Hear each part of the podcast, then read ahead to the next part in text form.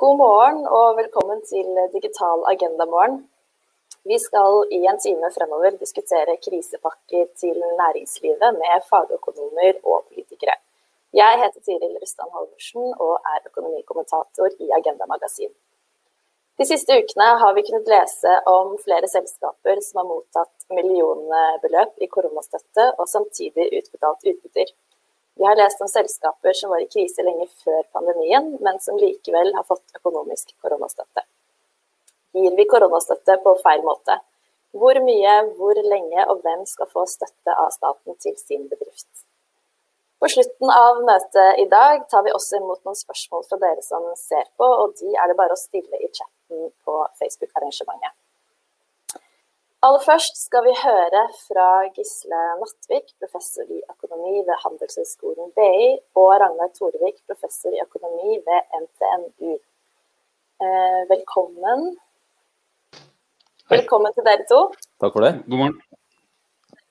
Um, God morgen. Til tross for at usikkerheten rundt de økonomiske konsekvensene av koronapandemien og håndteringen av den fortsatt er stor, så har rådene og kritikken fra landets fagøkonomer vært ganske så unisone og tydelige.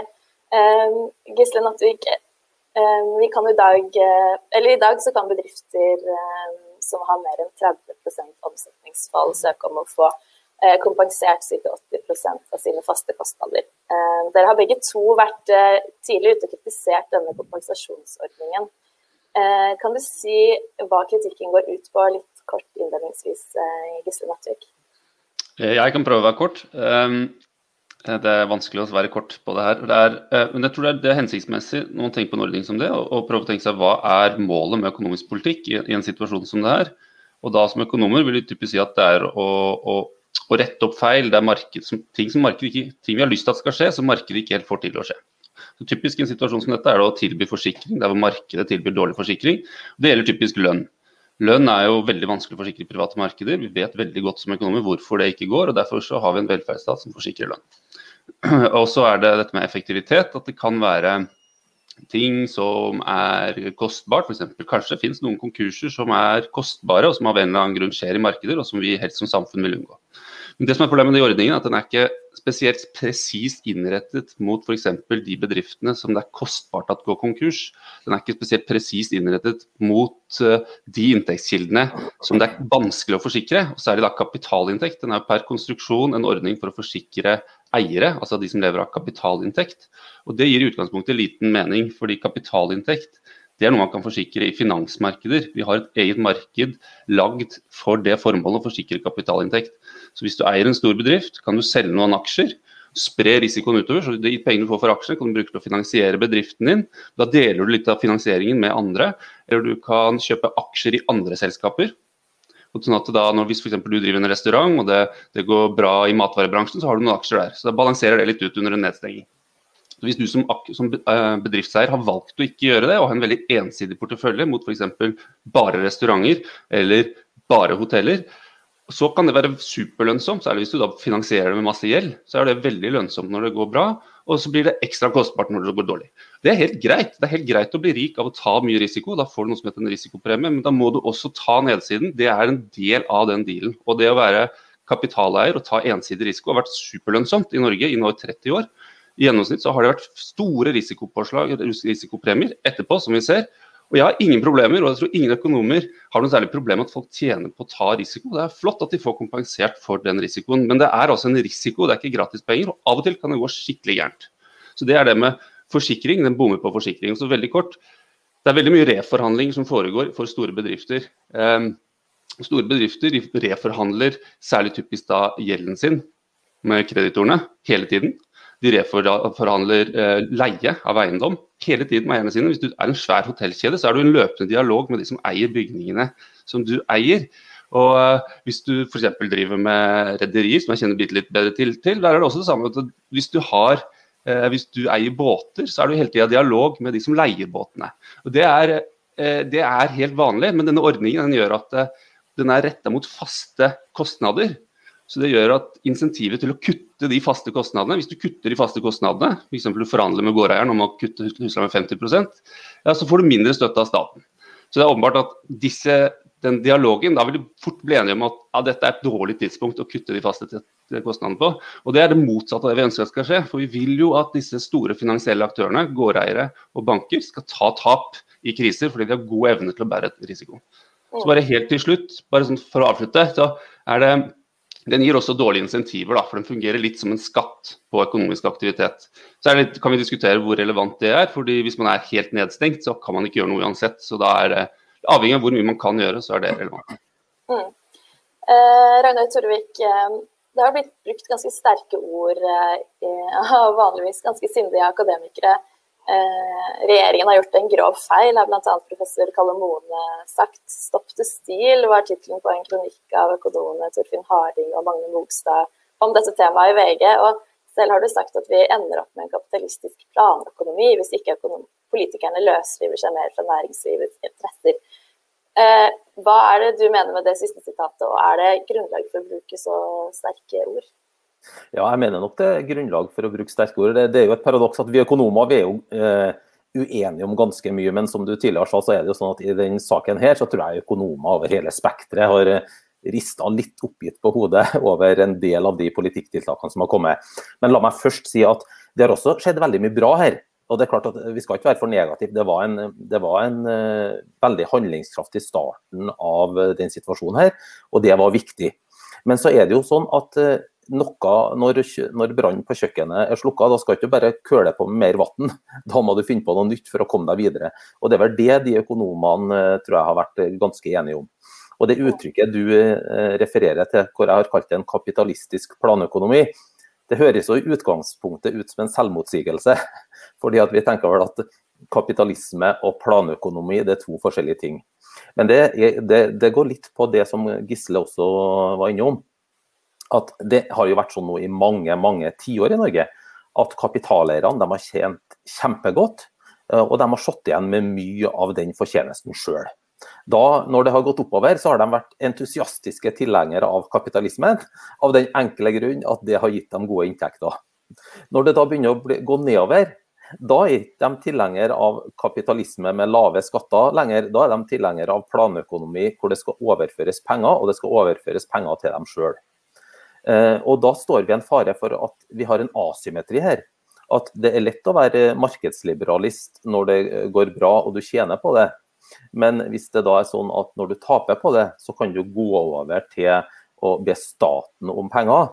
Da tror jeg vi er inne på en veldig farlig galei, eh, både når det gjelder insentiver. Det blir jo urimelig at du skal eh, få gevinsten sjøl når det går bra, og så skal staten ta regninga når det går dårlig. Og så er det selvfølgelig et dilemma her. Eh, nemlig at eh, mange av de bedriftene her, de har jo måttet stengt ned kanskje først og fremst fordi at etterspørselen har ramla. Altså, noen har jo, det var en stund fristerne var pålagt å stenge, men hovedtyngden det er jo bedrifter som har måttet stenge ned fordi de står overfor lavere etterspørsel. Og Så kan de selvfølgelig si det var ikke min skyld at etterspørselen ble lav. Og det er jo helt riktig, men det er jo det risiko dreier seg om det er uforutsette ting som skjer. Og du får bedre betalt i en oppgang fordi at du også skal ta kostnaden når, når, når sånne ting skjer. Så det begrepet eh, kapitalistisk planøkonomi som høres ut som et selvmotsigelse, det er mer enn eh, for å prøve å med to enkle ord illustrere det paradokset vi nå står i, som jeg mener er et uheldig paradoks. Særlig nå når vi etter hvert er på vei ut av krisen. Så en pandemi er en uforutsett hendelse som du mener at eh, kapitaleiere bør ta høyde for når de diversifiserer sine penger? Ja, eh, ja og nei. Eh, at, at, en pandemi er en uforutsett hendelse, det tror jeg alle vi altså i hvert fall jeg, Hvis du spurte meg for to år siden hva en pandemi og hva blir de økonomiske konsekvensene, jeg ville ha vært fullstendig blank på det. Så de skal ikke nødvendigvis forutse en pandemi. Men risiko det dreier seg nettopp om å, ting du ikke kan forutse. Ting skjer. Oljeprisen går opp, oljeprisen går ned. Rentene går opp, rentene går ned. Du var en skredder. Man finner på spinning Jenny. Eh, du mister jobben din. Altså, All form for risiko har jo dette felles at det nettopp er ting som du ikke vet skjer på forhånd. Hadde du visst at det skjedde på forhånd, så var det ikke risiko. Mm. Eh, Gisle Nattvik, snakker dere her om alle eh, bedrifter og alle typer kapitaleiere, eller er det et skille her med store og små, og mellom de som har eh, totalt mistet kundegrunnlaget sitt eh, over natta, og de som Ja, det er et godt, godt poeng. Jeg tror eh, i utgangspunktet, så det, Bare til det siste så er svaret ganske enkelt eh, nei. altså Vi skiller ikke utgangspunktet mellom bedrifter som over natten har mistet kundegrunnlaget eller ikke. Det er som Ragnar sier, det er risiko, og de må håndtere utgangspunktet i finansmarkedet eller kjøpe forsikring. Vi har hørt om hoteller som nå er i rettssaker fordi de hadde tegna pandemiforsikringer. Så det er ikke dette her eh, Det finnes masse Hollywood-filmer om pandemi, det er ikke sånn at dette her er total sensasjon. Det det er, ting skjer så altså. Men det første du sier er jo veldig viktig. da. Her skiller vi mellom bedrifter. Ja, vi skiller mellom bedrifter. Um, så tenk på det jeg starta med, at politikk skal sikte mot å, å, å, forsikre der hvor markeder ikke kan levere godt på forsikring. Skal sikre effektivitet der hvor markeder alene kan, kan skape ineffektivitet. Det er veldig kjent fra f.eks. miljøproblematikk. Der bruker vi ofte politiske virkemidler for å tro markedene skaper forurensning. Um, så, så, hvis du kan tenke deg sånne bedrifter der markedene f.eks. ikke tilbyr god forsikring, så, så, er statsstøtte mer berettiget. Og, og, det typiske som vi økonomer tenker på, det har vist seg empirisk, og det vi kjenner jo egentlig ganske mye fra praktisk fra folk vi kjenner alle sammen, tror jeg. Folk som driver små bedrifter har begrensa muligheter til å forsikre seg i aksjemarkedet eller finansmarkedet. Eh, jeg har en kompis som driver med barer, som jeg ofte har snakka med folk, eh, andre økonomer om det siste året. Jeg lærer veldig mye å prate med han. Så, så, han har jo ikke tilgang til eh, låneordninger, f.eks. Eh, det er veldig vanskelig å få lån på penger. Han kan jo ikke selge aksjer i et, han eier et par barer, ikke så veldig mange. Så han kan liksom ikke starte et aksjeselskap selv. Det ville vært fryktelig dyrt i forhold til størrelse på bedriften. Så i en sånn situasjon så er det mer berettiget. Og det skillet mellom kapitalinntekt og, og arbeidsinntekt, som, vi, som jeg startet med innledningsvis, for det er veldig berettiget å forsikre arbeidsinntekt. Men det er, litt mer flytende hvis du driver en liten bedrift.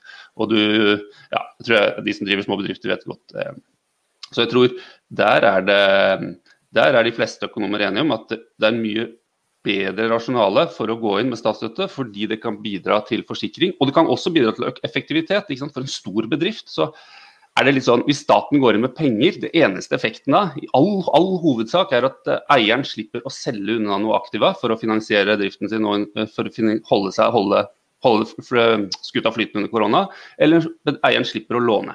For en liten bedrift så er det ikke nødvendigvis sånn. Kanskje eierskapet er veldig nært knytta til kapitalen, som vi sier. F.eks. at hvis du driver en restaurant, så er det liksom den kokken på akkurat det gatehjørnet har kanskje en unik kompetanse til å lage god mat, men det utstyret å kjenne lokalet, og det er noen av de ansatte der og sånn. Så det er en veldig sterk binding mellom de som jobber der og de som driver den butikken. Sånn at hvis han går konk, så er det ingen som kommer til å drive det videre. Kanskje, men det er ikke opplagt det heller. Altså. Det er ikke uproblematisk. For det er jo det er selvfølgelig hvis du har et, eh, et lokale på hjørnet, så er jo ikke sånn at det Hvis folk begynner å få lyst til å gå på restaurant igjen, så er det jo antageligvis sånn at noen andre kommer til å starte opp og drive den restauranten. Men det vil jo kanskje være en katastrofe for den enkeltpersonen som drev den restauranten før. Og da vi, er vi tilbake til at det er et rasjonale for å gi forsikring. En forsikring, for Du kunne ikke forvente at han skulle forsikra seg i kapitalmarkedet i forkant, for det går bare ikke an. Så der for små bedrifter så kunne det vært noe. Så det, disse ordningene de, de, de, skiller ikke, de er ikke spesielt retta mot de bedriftene der det er mest behov for å, for å, fikse ting. Der det er et problem i markedet som må repareres. Eh, og, og, som Ragnar sa, det var en utbredt forståelse blant økonomer i starten av krisen tror jeg, for at her, må, her går det fort i svingene. Det er vanskelig å sette seg ned og beregne hvilke bedrifter, hva er problemet nøyaktig vi skal løse. Men nå er vi ti måneder etterpå, og jeg klarer fortsatt ikke å få grep av hva som er avveiningene som ligger bak i politikkutformingen. Det virker som man har blitt litt opphengt i f.eks. en kontantstøtteordning. Har den samme veldig røffe utformingen som i, da den ble foreslått i april. Det virker som det har gått kanskje, jeg vet ikke om det har gått prestisje, men kanskje de ikke har tid. Kanskje de ikke har nok ressurser til å regne på ting. Men det virker som, vi, eh, som Det er veldig frustrerende som økonom, for vi klarer ikke å se hva som er beslutningsgrunnlaget eh, bak disse ordningene. Jeg er fullt klar over at dette er vanskelig, og at eh, fasitsvar er vanskelig å drive frem. Men det har vært veldig nyttig å se hva er avveining, hva er det de har tenkt på når de har utformet ordningen sånn, og hva er tallgrunnlaget, analysegrunnlaget som ligger bak. Vi kan spørre politikerne etterpå om de har noen eh, svar til deg.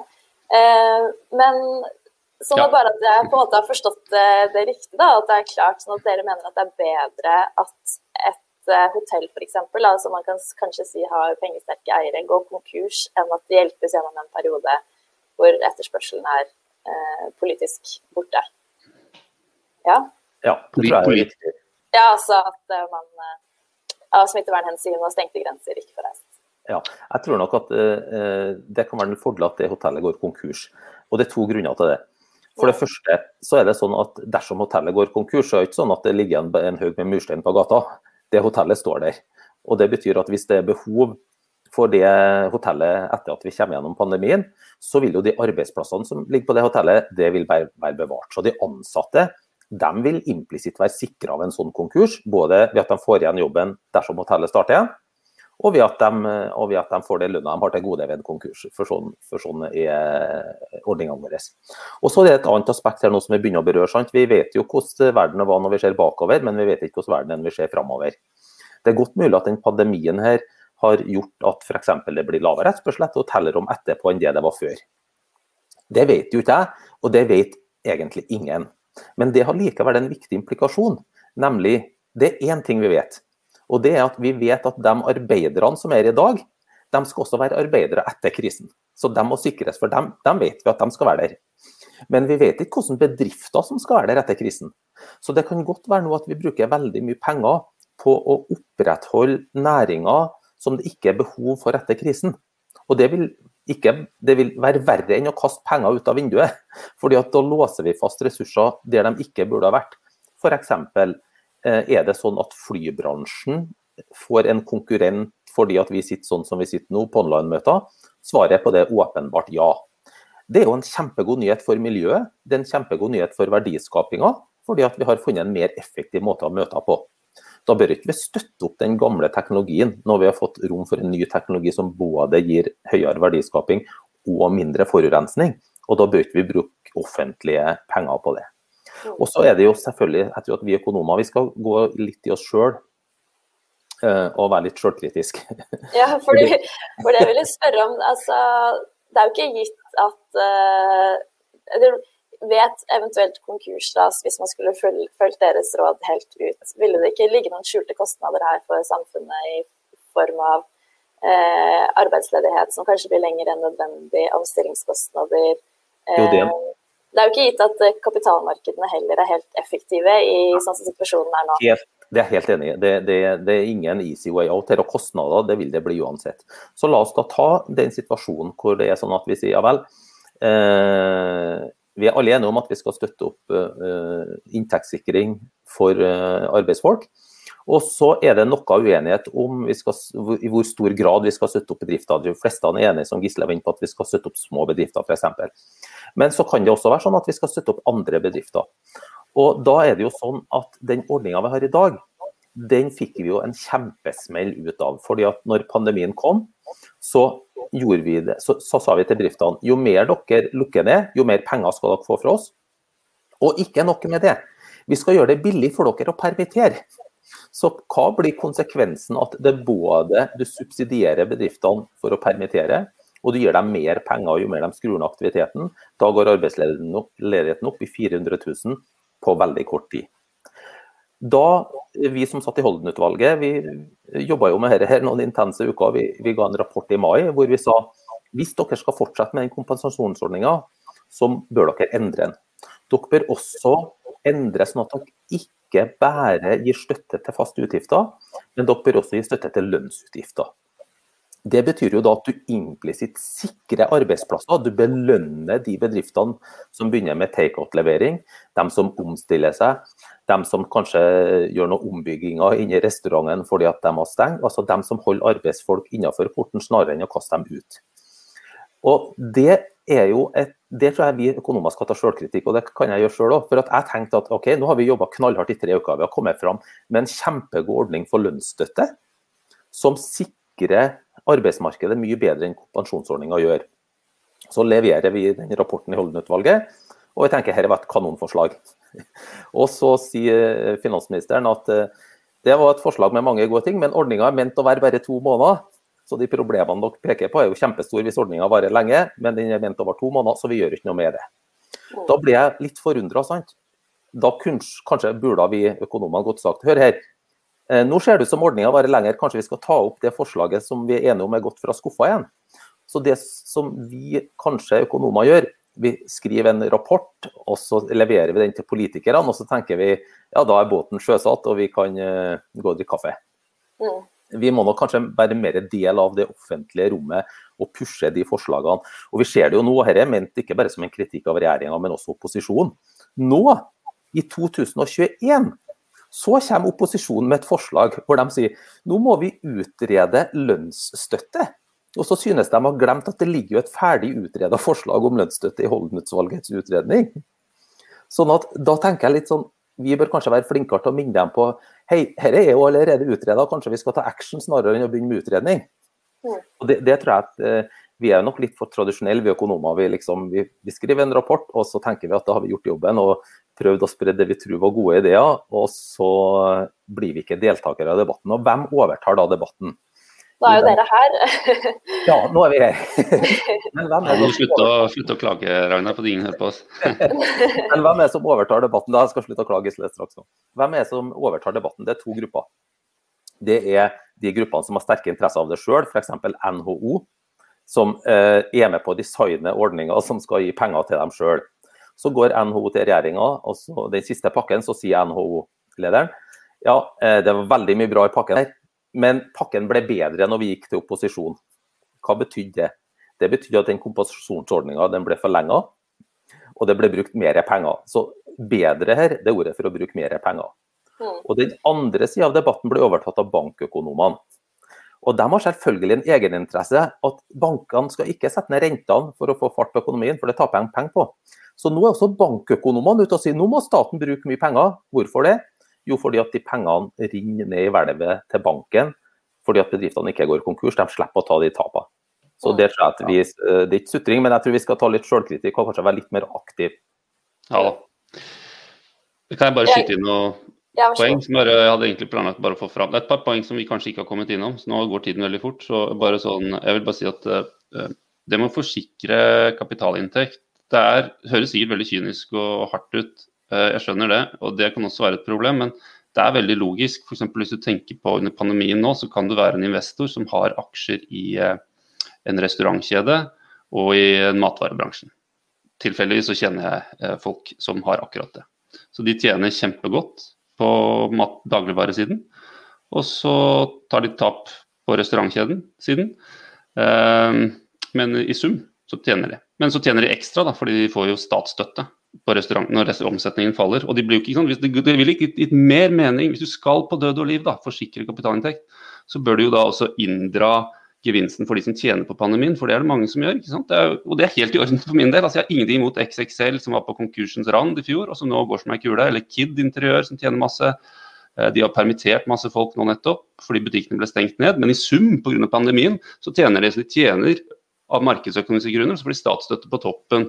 Hvis, hvis, det er sånn at eh, hvis det blir svingninger i økonomien, men gjennomsnittlig så går det like bra, så tjener du masse på den type ordninger fordi du får penger når det går dårlig, og det er ingen som tar, tar det fra deg når det går bra. Så det er bare så mange logiske grunner eh, som, som, gjør at dette ikke står seg eh, særlig godt. Så bare til slutt det med Ragnar sa, altså Det vil jo vise seg etter krisen at til og med den, de pengene vi gir til de små bedriftene, der støtte er begrunnet, fordi, dette, det, ikke, fordi det begrenser reforhandling, så vil jo veldig mye av pengene disse her, de renner jo bare rett gjennom de små bedriftene og ned til gårdeiere, store selskaper og banker. Og Gårdeierne har vært ute og sagt til Thon-gruppen Thon Eiendom sa eksplisitt dette i avisen i mai-juni, at de hadde tenkt til å kutte husleia. De hadde en opplegg klart for alle leietakerne sine, eller stor andel iallfall, av de som driver næringseiendom og de droppa det fordi nå ble kontantstøtteordningen forlenget. og Da skjønte de at hvis de ga dette tilbudet til de som er bedriftene sine, så ville de få mindre penger av staten. Så da trakk de det tilbake.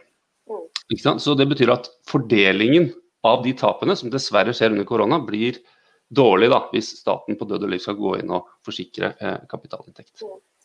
Hvis du bare kan svare helt kort før vi bytter panel, så skal vi hente inn dere igjen litt senere. Ligger det også i deres kritikk at uh, de som nå mister jobben og går på dagpenger, uh, skal få mer enn det de gjør, med tanke på den forsikringen du snakket om, og uh, disse bedriftene som da ikke har mulighet til å hente kapital andre steder, burde de også få mer? Jeg syns det er et veldig godt spørsmål. Jeg tør ikke å svare sånn uh, i full fart på det. altså Det er et komplisert spørsmål. så Det, det er vel igjen derfor jeg sa, prøvde å si i stad, at jeg skulle gjerne sett Man har et stort statsapparat til å regne på ting. så Jeg skulle gjerne sett etter ett år etter at korona brøt ut at man hadde noen gode analyser av om det var lurt eller ikke. Problemet med å gi mer dagpenger er vel kjent, at det gir litt dårligere insentiver til å hoppe på en ny jobb. Det har vært diskutert nå, nå masse med disse fiskeriene i Nord-Norge, og at folk, late østlendinger som meg, ikke vil begynne å bli fiskere. Så det det kan være et problem, eh, men det høres jo veldig fint ut da, å øke kompensasjonsraten til så folk med vanlig lønn som har mista lønn, men det er, noen, det er, noen, problemer der. Og Det samme gjelder jo disse små bedriftene, som jeg sa. at eh, for eksempel, Hvis jeg skulle forsvart kompensasjonsordningen, så det finnes jo argumenter der, så ville jeg sagt ja, hvis vi øker satsen og gir masse penger til de små bedriftene, men ikke til de store, så blir det plutselig lønnsomt å organisere seg i fremtiden med masse små bedrifter. Og Store konsern det er ganske sånne elastiske, føyelige selskapsstrukturer. Så da vil de kanskje prøve å finne en måte å organisere seg i bitte små enheter, sånn at de kan rake inn Eh, penger fra staten i fremtiden. Så det er problemer med å bli for sjenerøs eh, for de små bedriftene også. Sånn er det bare. Det er en tøff avveining, og jeg har forståelse for at det er en tøff avveining, men jeg savner litt at disse tøffe avveiningene kommer frem når eh, politikerne presenterer ordningene. De virker som de ikke regner på det eller prøver å tenke helhetlig på det, og det er litt provoserende når man ser på det. Da skal vi faktisk hente inn politikerne. Tusen takk til dere for nå. Gisle Nattvik fra BI og Ragnar Torvik fra NTNU. Da skal vi få inn eh, Kari Elisabeth Kaski, stortingsrepresentant og finanspolitisk talsperson fra SV, og Mudassar Kapur, stortingsrepresentant og leder for finanskomiteen fra Høyre. Velkommen til dere også. Da har dere eh, hørt økonomene kritisere en ordning som eh, begge deres partier har stemt for og argumentert for i Stortinget. Hvis vi begynner med deg, Kapur. Skjønner du hva de sier, og er du med på at dette kan være med å hindre omstilling og effektive kapitalmarkeder, som jo Høyre stort sett ellers er for? Eh, altså Under normale omstendigheter, eh, i en normal markedssituasjon, så er dette veldig relevant og betimelig spørsmål. Eh, absolutt. hvis vi nå hadde hatt en situasjon hvor, hvor vi satt og diskuterte overgangen fra lineær-TV til streamingkanaler, og at eh, TV-kanaler som nå sliter fordi de ikke greide den overgangen til streamingtjenester, at eh, skal man støtte de? Eller uh, hoteller som sliter fordi at uh, de ikke greier å uh, digitalisere markedsføringen sin, ikke greier å digitalisere innsjekkingen sin, også, og hele kundeopplevelsen osv. Da har du den klassiske markedstankegangen med at fordi at du ikke greier å innovere, du greier ikke å omstille deg, så må du også tåle eh, å ta støtten for det. Eller at hvis du girer veldig opp og tar stor risiko, at du da også må, tåle å tape penger. Men vi er ikke i en normal situasjon. Dette er det største økonomiske tilbakeslaget i norsk økonomi siden krigen. Og eh, vi står fortsatt midt i krisen. Det er helt riktig at vi har hatt perioder hvor det har gått litt opp og ned. Eh, men vi står fortsatt midt i krisen. Og da har det vært viktig for oss at eh, vi gjør to ting. Det ene er å sikre folk og familier en, en arbeidsinntekt. Sørge for at de har jobb å komme tilbake til, men også at de er sikra en god inntekt mens dette står på. Og det andre er jo å redde norsk næringsliv. Passe på at fallet ikke blir så dypt at eh, veien tilbake blir for lang. Eh, vi gikk veldig fort fra full til null, men det å komme seg opp til full igjen, det vil ta lang tid. og Da er det viktig å holde eh, levedyktige bedrifter levende, passe på å unngå unødige konkurser. For det er disse som skal hjelpe oss ut av krisen. Men jeg er helt enig i at dette blir en viktig debatt nå fremover. Etter hvert som jeg håper at smitten går ned, vi begynner å vaksinere, at samfunnet åpner igjen da er vi nødt til å se på hvordan vi både skal differensiere og reversere noen ordningene. Vi har forsøkt å gjøre det i noen runder, men gjennom forhandlinger i Stortinget så har jo de ofte blitt jekket opp igjen. Men, ja. men, nå er vi i en situasjon hvor det fortsatt er ganske kritisk. Så jeg ønsker debatten velkommen, men det må være riktig sted og tid for å bruke forskjellige verktøy. Men hvis jeg forstår deg rett, så mener du da ikke, sånn som økonomene sa, at eh, en pandemi er en risiko eller er en hendelse som smarte kapitalister bør ta høyde for? Eh, en, eh, en, pandemi eller andre type ekstraordinære hendelser er jo noe både privat næringsliv, det offentlige, alle må ta høyde for. Men så må vi også se det opp mot hva som har skjedd. Også her har staten gått inn og gjennom statlig pålagte smitteverntiltak tatt bort veldig mye av kundegrunnlaget, tatt bort veldig mye etterspørselen.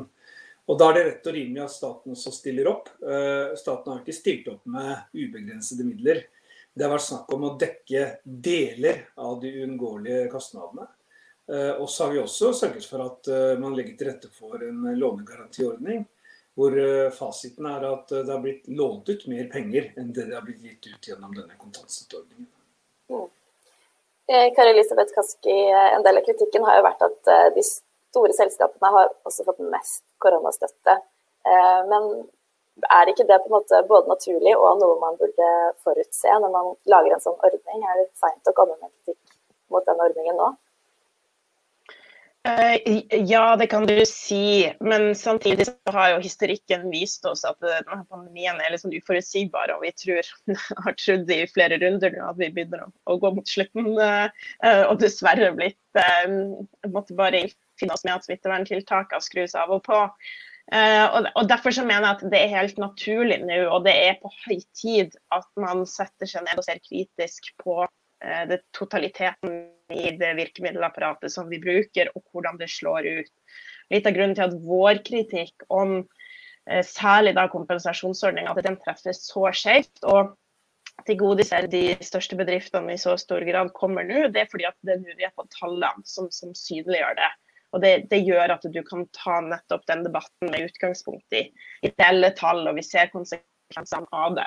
Når det er sagt, så, så har SV advart mot akkurat den sida av, av ordningene hele veien. Altså, vi eh, har eh, ivra for og foreslått å senke taket i flere omganger.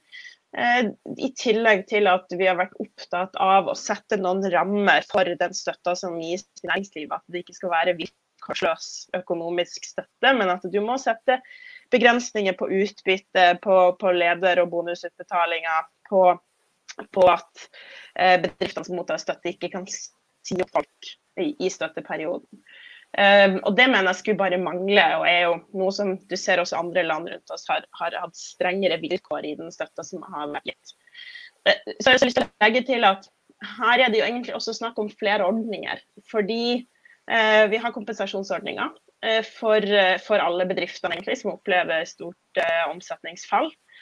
Men, men, vi har jo også støtteordninger direkte til fly, Eh, som, har fått, som ble nevnt tidligere av økonomene, og som jeg syns er viktig å ha med seg også i et omstillingsperspektiv. Ekstremt raus uh, subsidieordning for oljeindustrien, som også liksom er en sånn koronapakke som kom litt på sida, som, eh, som også er en del av bildet. Pluss at du nettopp har hatt, som Gasser også var inne på, Eh, gode sånn, lånegarantiordninger og, og, finansielle grep, som jo i mye større grad er aktuelt for de største bedriftene enn for frisøren på, på hjørnet eller, eller puben i Kirkenes. Og det, eh, det er også en liksom, del av vår kritikk da, på at vi har hatt store store og tunge kanoner retta mot de største bedriftene, men i mindre grad greier å treffe de små og mellomstore bedriftene. Mm. Eh, Kapoor, eh, Kari Elisabeth nevner jo noen eh, tiltak eller noen ting som f.eks. utbytteforbud. Har det blitt vurdert, eller har denne kompensasjonsordningen fungert akkurat som dere ønsket?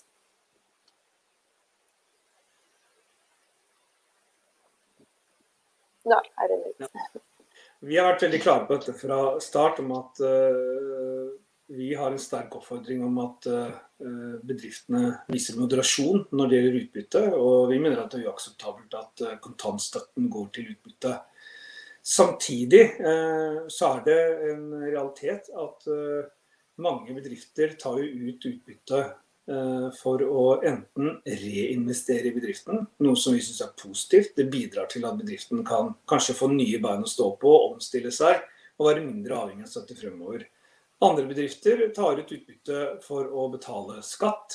Nå skal ikke jeg dra i gang en formuesskattdiskusjon osv., men, men det, det, også er, en del av bildet. Og Vi mener derfor at, at, et totalforbud ikke er veien å gå. Men vi er helt enig i at, at, det må være en sterk oppfordring til å vise moderasjon. Og ikke minst at det er uakseptabelt at kontantstøtten går til, går til utbytte. Men de to tingene jeg tar opp, med at bedriftene må ha mulighet til å kunne reinvestere i seg selv, og, og, komme seg ut av pandemien, sine økonomiske utfordringer på den måten, og ikke minst for å betale skatt. Og så er det jo Ja, har har eh, ordningen funket akkurat som man hadde sett for seg. Eh, det som er litt viktig å ha eh, som bakteppe, er at da vi rullet ut disse ordningene, så er vi tydelige på at her ville det bli vanskelig, om ikke umulig, å ha en millimeterpresisjon eller millimeterrettferdighet. Det som har vært viktig for oss, har vært at det er en god kontroll i etterkant og i forkant av utbetalingene at man har hatt en grundig diskusjon i Stortinget. Alle disse ordningene har blitt vedtatt med et bredt flertall. At de er laget i samråd og samarbeid med forskjellige bransjeorganisasjoner og parter i arbeidslivet.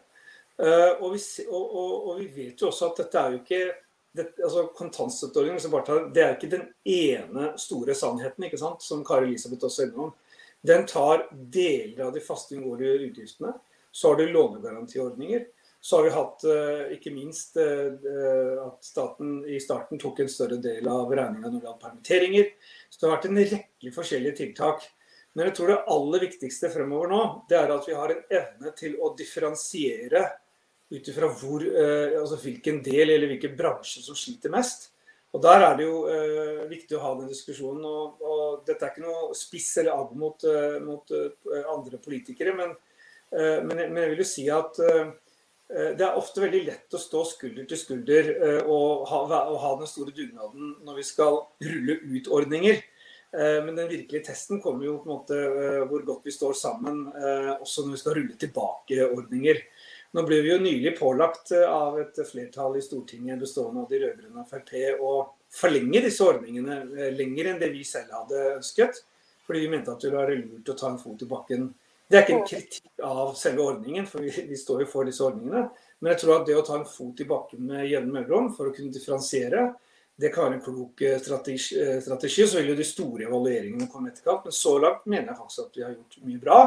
Og, og det er helt riktig å, stå, å ta siden både næringsliv og arbeidstakere. Eh, men samtidig så har jo ordningen med kontantstøtte sett ganske lik ut eh, fra starten av. Og som vi hørte økonomene nevne dette Holden-utvalget, som også kom med noen klare anbefalinger og mange økonomer senere. Eh, dere har ikke gjort noen endringer. Og hva har vært på en måte begrunnelsen for det? En ting som har blitt foreslått er jo i mer lån, mindre direkte støtte. Har det blitt vurdert, og i så fall hvorfor ikke valgt som en løsning, hvis du kan svare på det på en litt eh, kort måte. Eh, når det gjelder lån, det, det, den ordningen har vært der så å si fra starten. Eh, og som jeg sa i stad, det har faktisk blitt delt ut mer lån enn kontantstøtte så langt. Eh, og så har du dette med om vi har trappet ned eller ikke. Jo, vi har det. Vi, i, i, forslagene fra regjeringen så foreslo man å trappe ned eh, på høsten i fjor. Eh, gjennom sommeren og ut på høsten. Men da saken kom til behandling i Stortinget, eh, så så vi at uh, utpå senhøsten så kom eh, smitteutbruddet på nytt. Smitten økte enda en gang. Bedriftene havnet i, i nye utfordringer. Og da var det slik at gjennom behandlingen i Stortinget så økte man f.eks. kompensasjonsgraden og, og, og taket på nytt.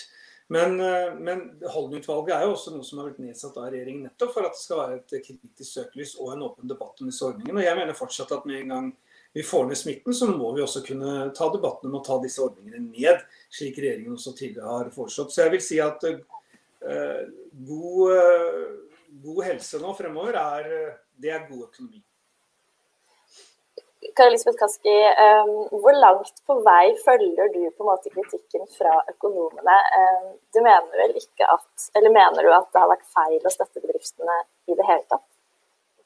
Nei, overhodet ikke. og Det, det mener jeg bare mangler. og Derfor så har SV også vært med på, på de vedtakene i veldig stor grad. og øh, Særlig i fjor da, så, så øh, visste vi hva vi sto overfor. Men det var jo en, en liksom myndighetspåført nedstenging av store deler av samfunnet og mange bedrifter. og Da, da skal det bare mangle, som, som Dass er inne på, at de går inn og kompenserer. Det mener jeg er helt naturlig.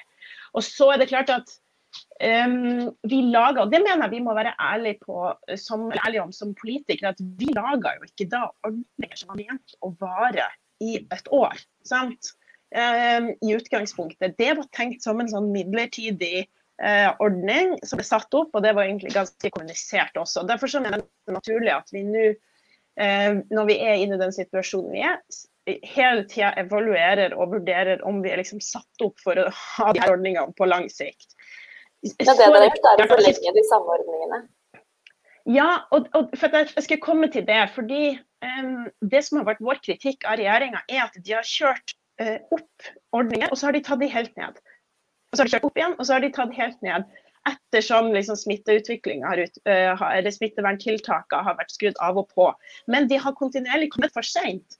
Så bedriftene har jo uh, ganske gjennomgående stått overfor veldig veldig stor usikkerhet med hva det er som kommer.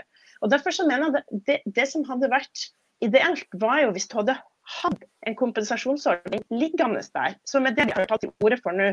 Ha en kompensasjonsordning som ligger der, sånn at bedriftene vet at den finnes der. Hvis du liksom eh, har et tilstrekkelig omsetningsfall til å falle inn under den, som følge av f.eks. et lokalt smittevernutbrudd. Men den kompensasjonsordninga som skal ligge der, og som nettopp bidrar til den forutsigbarheten, at man har noen rammer rundt seg. Et lavere tak, så at den treffer små og mellomstore bedrifter i større grad. Den må ha et krav om at du ikke skal kunne si opp folk når du mottar støtte, at du ikke skal kunne ta et utbytte, og den type justeringer. Så, sant? Vi ønsker langsiktighet og forutsigbarhet både for arbeidsgivere og for arbeidsfolk. Men, um, men si, mer rettferdige ordninger som treffer mer uh, riktig. Så man kan si altså, at eh, økonomer er kanskje litt uh, det er nok hakket mer komplisert enn det de også tidvis liksom, skal ha det til. Vi har jo i aller høyeste grad fullt oversikt over det som står i Holden-utvalget, og, og, ønsker også um, en sånn modell som de foreslår på lønnsstøtte. Men, men samtidig så er det ikke bare bare å ta det inn heller. Og f.eks. så har jo arbeidstakerorganisasjonene noen reservasjoner til det. Så jeg tror bare vi må også liksom Ja, det, det er flere aktører her enn bare på en måte sånn, økonomene sine sin foretrukne virkemidler. da. Eh, og det er forskjell på å si at et hotell bare kan stå der selv om det går konkurs, og eh, hvem det er som eventuelt vil ta over i. Altså, I Oslos utelivsbransje f.eks. er jeg jo veldig bekymra for hva som skjer hvis det er mange utenlandske aktører eh, som kommer og tar over når, når de norske eierne går konkurs etter at vi har hatt en stor opprydninga av Oslos utelivsmarked over flere år. Så, så, det er flere aspekter ved det også, da, tenker jeg. Hmm. Eh, Kapur, eh, tenk, Tenker du at vi i denne situasjonen har vært uh, for redd for uh, konkurser? Vi hører økonomene sier at man heller burde forsikre arbeidstagere enn en bedrifter. Strategien sånn som jeg har forstått den, i hvert fall fra regjeringen, har jo vært å bevare arbeidsplasser. Kunne man sett for seg at man heller satte inn mer av midlene på å gi f.eks. mer lønnsstøtte og mer høyere dagpengesatser til de som faktisk gjør jobben? Eh, bare for å hoppe noen sekunder tilbake igjen eh, og si meg enig med det, det, perspektivet Kari dro opp, for det bygger bro til det jeg skal si om konkurser. Eh, også, ja, Under normale omstendigheter så er det sånn at hvis et hotell går konkurs, så, så står det kanskje mange andre klare til å ta over.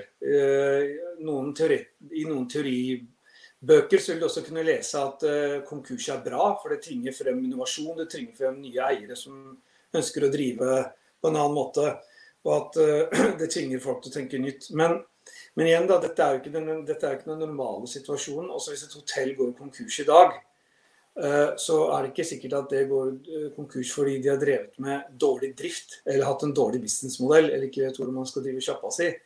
De går konkurs fordi at turister kommer ikke lenger. og og turister har kanskje ikke lov til å reise dit eh, pga. restriksjoner. De kommer ikke mer. Forbrukeratferden er ikke endret fordi at turistene velger, velger, annerledes, men de turistene er også på en måte inne i en boble som gjør at de ikke kan velge annerledes. Det kommer ikke busslaster med kinesiske turister til Norge dagen etter at alle vi har fått vaksine. Jeg har sagt mange ganger at jeg tror at det kan godt hende at vi blir friske lenge før alle, alle andre, i, i anførselstegn. Så, så det, et, det, vil være et legg her. Denne, denne, eh, altså denne krisa kommer til å ha en ganske lang hale inn i flere bransjer.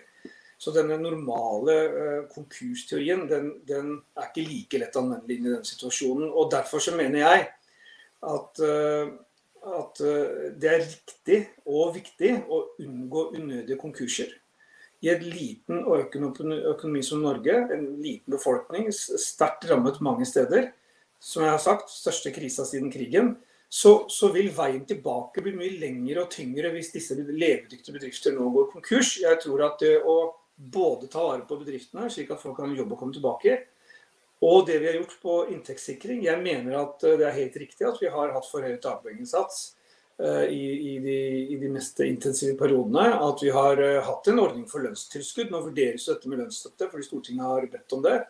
Eh, og regjeringa har meldt tilbake at man skal ha en dialog med partene på det og gjøre en vurdering. Jeg mener at det har vært helt riktig eh, det man har gjort for å sikre inntektene. Så vi har gjort begge deler. Vi har sett på det som går på sykepenger, dagpenger, omsorgspenger osv. for både arbeidstakere, frilansere, selvstendig næringsdrivende. Og på den andre siden sørget for at vi har et levedyktig næringsliv. En jobb å komme tilbake til. For det er veldig mange av disse arbeidsplassene som også skal få oss ut av krisen. Ni av ti permitterte er fra privat næringsliv. Så det er denne kombinasjonen vi må se på. Eh, og igjen, jeg gjentar og gjentar, men vi må ha evnen nå fremover til å begynne å differensiere tiltakene og gradere de ut fra hvordan smittevernsituasjonen er nå. Mange av oss, både Kari Elisabeth og jeg, hadde nok ikke sett for oss at, eh, at vi skulle ha like intens smittesituasjon på nytt igjen her i de store byene eh, på, på så kort tid. Og det gjør at For mange nå så er vi tilbake i den akuttfasen som man hadde i mars i fjor. Ikke for alle, men for mange så er vi ikke i fase tre eller fire av pandemien. Man er liksom tilbake i akuttfasen igjen. Og det tror jeg vi må lære oss å leve med i, i tiden som kommer. Og nøkkelordet blir differensiering. Mm. Eh, da tror jeg vi skal hente inn igjen eh, økonomene og så ta noen eh, spørsmål. Og det er også lov å kommentere litt eh, på hverandre. Det brenner, ja. kommentarer. For det pleier å være sånn at vi økonomisk kommer og prøver å si noe. Uh, og så blir vi avfeid som at vi sitter bak et skrivebord. Det er ikke så veldig Ja, nå har jeg fått muligheten. Ja, det er ikke så veldig sånn betimelig å si det funker i teorien eller noe sånt om konkurser. Altså, det er et veldig praktisk råd. Det finnes mye empirisk forskning. Folk har studert konkurser i veldig mange år. Jeg satt i går og leste en stor studie fra USA om støtteordninger. Eh, de diskuterer for så vidt bare lån, fordi det er så aparte for dem å gi penger til bedrifter istedenfor å gi dem som lån. Men de bare skal gi dem billig lån eller ikke. Så der, der, er de veldig opptatt av at, uh, vi, at ordningene må, må, oppfordre til konkurser i de markedene hvor restrukturering og sånt er mulig, typisk store bedrifter. Og så må man gi subsidierte lån, sier de, til små bedrifter, fordi der er det veldig, kan være kostbart med konkurs. Så konkurser trenger ikke å være så kostbart for samfunnet. Det er selvfølgelig en katastrofe for eieren, så hvis du vil forsikre eieren, så skjønner jeg hva dere, dere, gjør. Men det er ikke sånn at eh, det går så hardt utover arbeiderne nødvendigvis. Og som du sier, akkurat som du sa, så lenge ikke ingen eh, så Kinesiske turister, så var eksempelet du brukte, Mudassar, så, så lenge ikke de kommer til Norge, så, så er det antageligvis ingen som vil drive det, ansette folk i det hotellet. Det gjør ikke dagens eier. I dag er de permittert. Og, og, dette er jo da sånn sett vi skal se veldig kalkulerende på det, som jeg syns dere politikere må gjøre. Det gjør selvfølgelig vondt i sjela kanskje å, slå, å la hoteller uh, gå konkurs, for du kjenner eierne. Men, uh, men de, de, uh, hvis de går konkurs nå, så er dette en god anledning til å restrukturere selskapet. For det er ikke drift. Bygningen er ikke drift uansett. Folk er ikke på jobb, folk er hjemme og er permittert. Og, og da kan de, de kan sitte hjemme fortsatt mens hotellet blir restrukturert. Og så er det klart til å gå når, når turistene kommer tilbake. Det er, det er, ikke sånn at det ikke finnes investorer. Det er bare å se på aksjekursene. Se hva som skjedde med aksjekursene innen reiseliv. Med en kommer litt positive vaksinenyheter, så er det boom. Det er fullt av norske investorer som gjerne skulle kjøpt i aksjer i store hotellkjeder f.eks. Hvis de ble tilgjengelige, hvis, hvis, hvis de eierne av de selskapene begynte å selge aksjene sine på, sine på børsen. Så de ville ikke engang gått konkurs. Det ville bare vært at istedenfor å få penger gratis av staten, så måtte de gått på kapitalmarkedet, og investor krever noe tilbake. De gir det som lån, eller de, de vil ha eiendeler, de kjøper aksjer, ha en del av verdiskaping. Så dette med krisens varighet òg. Altså, hvis krisen varer kjempelenge, sånn som du sa, og jeg tror du har et veldig godt poeng der, at det kan ta lang tid før turister kommer tilbake. Men hvordan tenker du og dette er et åpent spørsmål, hvordan tenker du at vi skal eh, skal, skal, vi da fortsette å, å, å gi penger til hotellkjedene, f.eks. sånn at de holder det flytende i to-tre år før alle turistene er tilbake? Er det det du tenker? Så jeg ville tenkt at dess lenger krisen er, dess, dess dårligere er rasjonalet for å gi store hotellkonsern f.eks. støtte. da. Hvis krisen er kjempelang, så må vi bare la dem eh, klare seg selv og eventuelt gå konkurs. da. Um, men det er mulig jeg noe overser her. Altså. Det kan godt hende at, det er motsatt. Og så lurer jeg på bare én ting. Dette med utbytte, jeg må bare få sagt det. Eh, eh, det er ikke sånn at kontantstøtte Vi kan ikke stemple kontantstøtte med et stempel og si det har én farge. Penger er penger, så om bedriften betaler utbytte med kontantstøtte, eller den betaler utbytte med penger den har tjent på å selge øl, det, det er umulig å skille. Penger er penger. Eh, så det å liksom det, det, den, den, dialog, den, debatten om å betale utbytte i år med kontantstøttepenger, den er nok et blindspor. Og, og liksom, Hvorfor er det verre at bedriften betaler utbytte i år enn neste år? De kan bare la pengene stå der. Hvis de har overskudd, så kan de la det stå i bedriften, og så kan de ta betale utbytte om et år. Så jeg tror ikke den utbyttediskusjonen virker iallfall for meg å være et, eh, stort sett et, et, blindspor. Hvis ikke bedriften er ekstremt sleipe da, og de liksom kan gå konk uansett. Så de bare prøver å tappe selskap for penger med kontantstøttepenger før de går Men det tror jeg er et lite, lite fenomen. Da skal vi la Kapur og Kaski få svare. Vi kan begynne med deg, Kapur. Ja, man skal jo aldri meningen å starte dagen med å fornærme eh, fagøkonomer. Så eh, du sitter bak ditt skrivebord, det blir ofte jeg også beskyldt for. Så det er en veldig fin debatt eh, fra hvert vårt skrivebord. Så kan publikum eh, som faktisk har skoa på, gjøre sine tanker. Nei, altså det, det, nøkkelordet som jeg har brukt hele tiden når jeg har sagt om konkurser, er å unngå unødige konkurser. Eh, det kombinert med at eh, sant, andre, andre, faktorer som også er en viktig del av den debatten, er jo at eh, veldig mange av de bedriftene som sliter, har jo gjort det, eller gjør det, fordi at staten har kommet med ganske inngripende tiltak. Dette er ikke nødvendigvis en, en situasjon som de er i pga. de generelle markedsmekanismene osv. Men så har vi også sagt hele tiden, og der er jeg helt enig at selvfølgelig må vi jo eh, trappe ned disse ordningene eh, på en måte som gjør at eh, vi ikke lager insentiver. Ikke altså, vi må sørge for at vi ikke har insentiver som gjør at eh, vi, vi, premierer lav aktivitet, eller at arbeidsledigheten biter seg fast. Derfor har jo regjeringen også hver gang vi har sett at smittetallene har gått ned, prøvd å ta, ta ned disse ordningene, ikke la de vare for lenge. Sagt at det er lurt å ha en eh, fot i bakken med jevne mellomrom. Uh, men akkurat nå så er det jo igjen en ganske intens uh, situasjon. Ganske sårbar situasjon for mange i næringslivet. Og For oss så handler det nå om å gjøre denne avveining med at hvis vi får for mange nødige konkurser eller bedrifter sitter for mye, så blir veien tilbake igjen til å skape aktivitet i nettopp næringslivet veldig lang. Og det er som jeg sa i stad, at Veien fra full til null gikk veldig fort. Men det er ikke like lett å få gå fra null til full igjen. Uh, og så er jeg også innforstått med at uh, vi har nok en, en, periode foran oss hvor vi vil oppleve mange konkurser. Uh, men det er de unødige konkursene vi må unngå. Passe på at veien tilbake ikke blir for lang. At folk har en jobb å komme tilbake til. Det er dette næringslivet som også skal hjelpe oss med det viktigste som ligger foran oss nå. Og det er jeg helt enig med dere. Det er, det er omstillingen. Fordi vi, vi kan ikke leve av krisepakkene.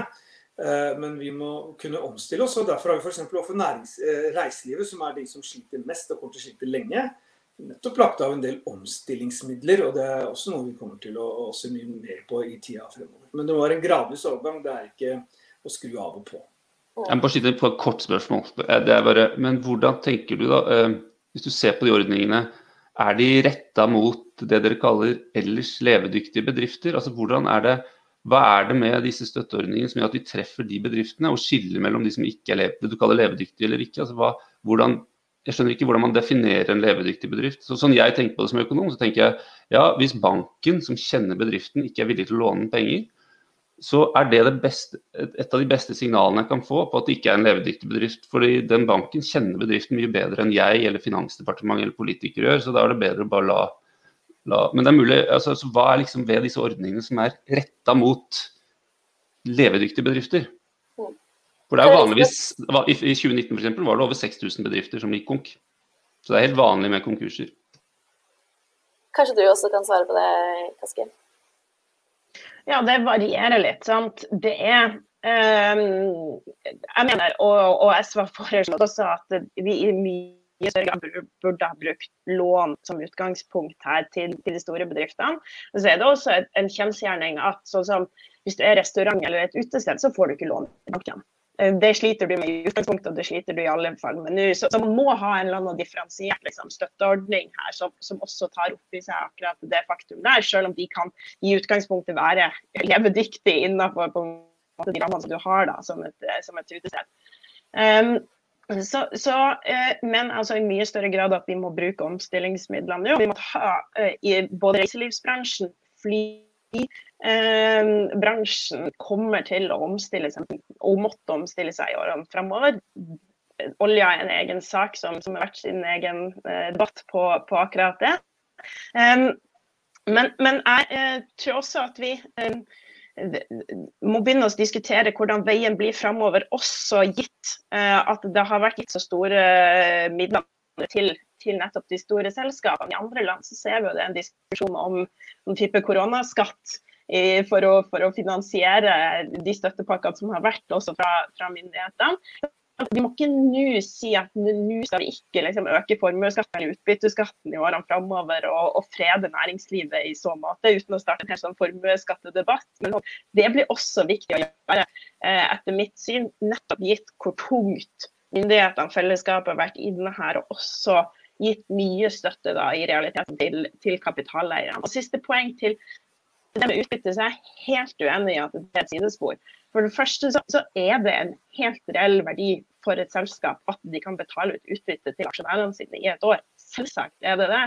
Uh, og det at de får liksom vilkårsløst penger fra fellesskap, som gjør de i stand til også å betale utbytte i et ekstremt vanskelig og krevende år, det, det, det mener jeg ikke er rimelig. Uh, og det andre er sånn Eh, de kan jo, de kan jo ut, Poenget mitt er bare de kan jo bare la pengene ligge på kistebuden og så betale ut om fem år. Så er for, Hvorfor er det så viktig at de ikke betaler ut akkurat i år? Fordi den avdekker meg, eh, akkurat når jeg skulle komme til mitt andre poeng, og det omhandler eh, tillit og troverdighet til de ordningene som vi har. Eh, og, og, selv om folk, selskap kan la de pengene ligge på, på kistebuden og liksom oppkapitalisere selskapet, som jo eh, også er liksom en side av det her, så, så ser vi at selskapene betaler utbytte også i år. Det har vi sett flere eksempler på nå. Og jeg tror liksom ikke Dyreparken i Kristiansand er det, det mest sånn groteske eh, eksempelet på det, selv om de blir liksom mye brukt. Men klart, det svekker liksom folks tillit og troverdighet til disse ordningene som vi har. Jeg tror det er kjempeskadelig, rett og slett. Og det må vi også ha med oss uh, i det bildet at, at uh, folk uh, tror jeg blir forbanna, særlig når dagpengesatsene til tross for den satsen det siste året, i realiteten for mange ikke er nok å leve av. Og Det har vi diskutert lite nå, men, men arbeidstakerne sin, sin, kompensasjon eller forsikringer gjennom det siste året begynner å bli for lite. For det har aldri vært ment at du skal leve på det over så lang tid. Mm. Ragnar Torvik, er det ikke ett poeng politikerne har. De har jo gått inn og tråkka godt inn i markedet, både på tilbud- og etterspørselssiden. Er det rimelig å anta at markedet alene skal kunne ordne, ordne opp i dette her, så vi kommer gjennom stående? Nå er du på mute.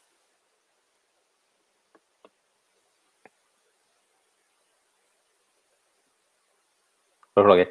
Ja, nei, det er, ikke, det er, ikke, rimelig å tro at markedet ordner opp alene. Jeg tror egentlig det er, vi, det er vi alle enige om. Og vi er alle enige om at inntektssikring til, til, arbeidstakere er viktig. Og vi er alle enige om at markedet ikke ordner opp for små bedrifter. Og det er ikke noe easy way out her. og det er klart at Vi skal ikke være for kritiske politikere. Han har gjort kjempemye bra. Men jeg, jeg, tror det er viktig det som Mudassar er inne på nå. altså at fremover nå så må vi eh, begynne å spørre oss sjøl. Okay, gjort er gjort, det kan vi vel gjøre etterpå. Men hva er exit-strategien vår? Og da tror jeg, eh, jeg tror det er to ting vi må gjøre. Eh, det første vi må gjøre, det er istedenfor at vi driver også Når det kommer opp et problem, så prøver vi å designe en ordning som løser det problemet. Så da blir det flere og flere ordninger etter hvert som vi nærmer oss exiten. Der bør vi gjøre det motsatte. Vi bør heller nå si f.eks. Eh, den lønnsstøtteordninga. Det er jo riktig som Kaski sier at både arbeidsgiver- og arbeidstakerorganisasjonene har sine modeller her. Eh, som har store svakheter vil jeg påstå, i forhold til Holden-utvalget, selv om du ikke gikk inn på hva fordelene med dem og hva ulempene med Holden-utvalget var. Det får vi heller ta en annen gang. Eh, men jeg tror nå er det viktig at vi heller tar oss og flikker på de ordningene vi har, snarere enn å stadig innføre nye. For vi lærte én ting i starten. Nemlig at det blir veldig lite oversiktlig hvis vi driver og ordner ordninger som isolert et problem, sånn som det eksempelet med at bedriftene både ble belønt for å stenge ned og at de fikk si opp folk gratis. Det var et, det var et potensielt problem. Og så er det én ting til vi må gjøre, og her syns jeg at Høyre har hatt et veldig godt forslag. Eh, eh, når, eh, Gisle er jo litt yngre enn meg, men når Gisle var veldig ung, og når jeg var litt yngre enn det jeg er nå, så hadde jo vi et forslag eh, tilbake til 2010 om at det er veldig viktig at vi får uavhengige granskinger, også uavhengige granskinger av Finansdepartementet, eh, av utforming av politikktiltak. Og Høyre foreslo i 2011 at vi bør, som alle andre europeiske land, det eneste unntaket jeg kan komme på i farten er Polen, og dem vil, tror jeg ikke vi vil sammenligne oss med her. Som alle andre europeiske land, så burde vi innført et finanspolitisk råd som gir oss en uavhengig granskning av politikken. Og det tror jeg at det forslaget det har ikke de tatt opp av skuffa etter de kom i posisjon, for det er bestandig litt ubehagelig om noen kommer og kikker i kortene, det syns vi alle. Men det tror jeg det er andre vi bør gjøre nå fremover. Det er faktisk eh, klokka ni, og jeg tror vi må si at det var siste ord. Eh, jeg håper debatten eh. Tusen takk til Ragnar Torvik fra NTNU, Gisle Natvik fra BI, Kari Elisabeth Kaski fra SV og Modassar Kapur fra Høyre. Tusen takk til dere som så på, og denne sendingen blir liggende ute på, på Facebook. Tusen takk og ha en fin dag.